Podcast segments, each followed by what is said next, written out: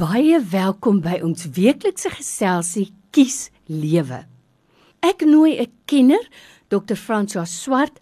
Hy's 'n kliniese en pastorale terapeut om saam met my sommer lewenskwessies kaalvuis te pak. As jy 'n vraag het, onthou vir my 'n WhatsApp te stuur na 0824104104 en dan sal ons intyd ook graag jou vraag beantwoord. Die hele doel van ons geselsie is om ook vir jou te help dat jy by 'n punt kom waar jy kan sê ek kies lewe. Dr. François, ek sien nou die dag 'n vinnige koerant opskrif. Ek het nou nie tyd gehad om die artikel te lees nie, maar dit het, het dadelik my oog gevang omdat dit iets is waarmee ek weekliks gekonfronteer word wanneer luisteraars vir my vra: "Bid asseblief vir my. My kind wat al werk, met ander woorde hierdie jong persoon is finansiëel aktief, weier om uit die huis uit te trek, maak geen bydrae in die huis nie, maak net baie ekstra werk, is boonop ongeskik. Nou ek weet dit is nie in alle gevalle so nie, maar my vraag vandag is: Wanneer is dit tyd om jou finansiëel aktiewe jong mens uit die nes uit te skop sonder om nou wreed te wees? Ja, ek dink dit is 'n belangrike vraag, Lorraine, en dit gaan oor die wese van Christen wees. En is dit om aan Jesus te behoort, net vir ou mense?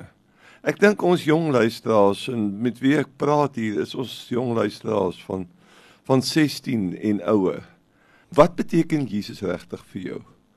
En as jy sê maar ek is 'n volgeling van Jesus. Jesus is vir my baie belangrik. Dan is dit belangrik dat veral dat jy begin dink oor wat is jou rol in die koninkryk? Mm. Wat is jou rol waar jy rond beweeg? Want jy's 16 jaar oud. Jy het al 'n klompie dinge in jou lewe gesien. Jy's besig om groot te word.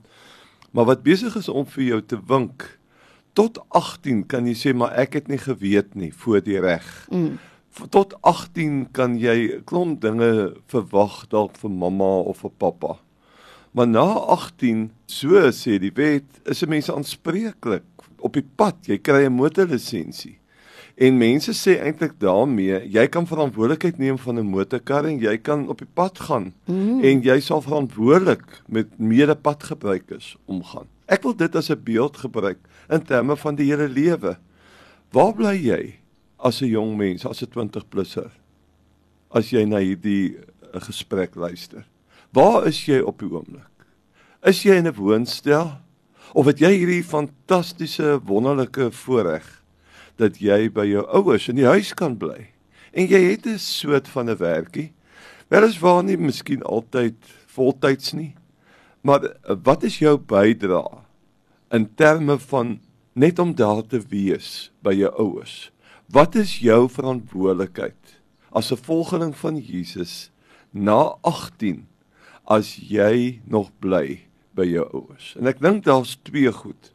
Party goed kan jy nie, miskien nie meer help met geld nie. Ons weet in Suid-Afrika die werkloosheidssyfer is besonder hoog. Mm. Ek dink ons is tussen 40 en 50% Sjoe. wat ons jong mense regtig werk wil hê, maar hulle kan dit nie doen nie. Maar daar's ander maniere hoe mense bydra kan lewe binne 'n familiesisteem.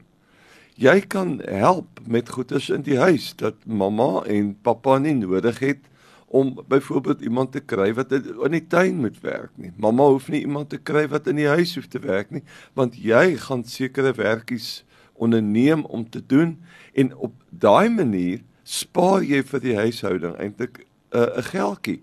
Maar 'n ander ding wat jy kan doen as jy 'n werkie het, dink ek die ou ou beginsel wat die Bybel al vir ons in die Ou Testament in Maleagi al vir ons leer, is dat ek 'n behoort 'n tiende regtig te gee vir 'n buitengewone saak. En as ek bly by my ouers, dan lyk dit vir my ek moet begin verantwoordelik wees met my geldjies. Ek moet dit verdeel. Ek moet 'n tiende gee vir die werk van die Here. Amen. Ek kan 'n tiende gee vir my ouers en dan eers begin ek lewe vir myself.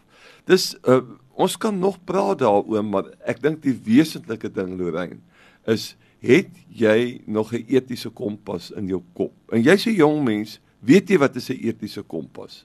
Weet jy dat 'n mens na 20 nie net sommer dinge kan aanvaar nie En ek dink ook ons sal rondom hierdie saak van verantwoordelikheid in die huishouding saam met jou ouers sal ons definitief ook 'n bietjie ietsie moet sê oor respek want dit is baie belangrik. So belangrik wat jy nou noem en ek het regtig waar deernis vir jong mense wat eerlik en opreg werk soek en nie werk kry nie. Maar dit beteken nie dat jy nie aktief kan wees nie, by die kerk betrokke raak. Ek dink dit doen ook iets aan jou menswees. En dan dokter François, 'n ander ding waaraan ek baie dikwels dink, is aan Eli en sy twee seuns en hoe God hom kwaliek geneem het omdat hy nie sterk gestaan het teen sy kinders nie. En dit bring my nou by 'n volgende punt. Dit lyk vir my asof sekere ouers kinders tot die dood toe sal beskerm en bederf.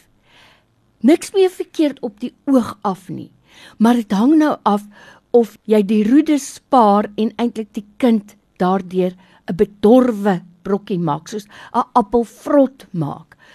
Wat is daai fyn lyn? Ek dink dit gaan oor identiteit. Ons leef in 'n tyd om een of ander rede is dit verskriklik belangrik dat ons as ouers en ek dink dit is goed dat dit gebeur en die vraag gevra word. Is jy 'n verantwoordelike ouer? Is jy 'n goeie ouer vir jou kinders? Sorg jy vir jou kinders? En daar is maniere van sorg en daar is maniere van sorg. Dis uh, om 'n goeie ouer te wees, daarmee is is daar nie fout nie. Mm. Maar as jy jou identiteit as 'n volwassene bou rondom watter speelgoed jy vir jou kinders koop, watse buitemuurse aktiwiteite jy daar stel vir jou kinders, watse vakansies jy vir jou kinders gee. En eintlik in die proses van bederwing en verderwing eintlik ingaan. Want jy bederf vir die kind, maar terselfdertyd is jy besig om hom te verderf want hy vat nooit verantwoordelikheid nie. Mm. Dis die belangrike ding is om lieweste vir jou kind te sê ek is lief vir jou uh en om nie toe te gooi met uh, materiële dinge nie. Hmm. Dat hy van kleins af sekere take in die huis het, dat hy weet ons is 'n span en ons word nie bedien nie. Ek dink alle seentjies moet al naby 6 met 'n pappa al praat met hulle en vir hulle sê, weet jy, uh, ek het daardeur tot nou toe oopgemaak as ons in die kar inklim, maar van nou af wil ek hê jy is die seun Jy maak die deur vir mamma oop. Jy maak dit toe agter haar. As jy sien mamma dra swaar aan pakkies, dan wil ek sien dat jy na vore tree en vir mamma help.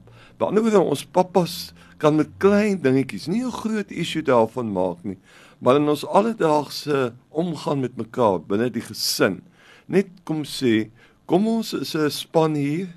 Kom ons verwag nie net van een persoon en in hierdie geval altyd mamma wat dinge moet doen nie en ek dink die pappas kan baie help om die kinders betrokke te kry in terme van basiese aktiwiteite wat weekliks in huishouding moet plaasvind. Lorraine, weet jy wat is interessant?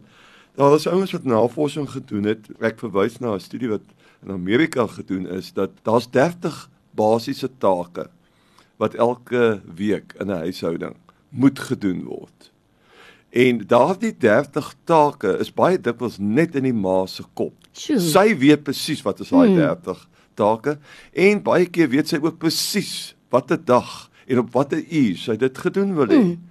Maar dis tyd dat ons mammas daardie 30 take op 'n groot stuk papier skryf dat dit met prestiek of wat ook al in die gang opgesit word dat sy sê wanneer sy graag die take wil gedoen hê in die week en dan moet sy gaan sit met haar manne, met haar kinders, met haar mense in die huis en sê kom ons is 'n span. Ons bly saam in hierdie huis. By ander woorde ons praat oor 20 plussers wat dink hulle mag maar net in die huis bly. Dis hulle reg. Oh. Hulle hoef niks te doen mm.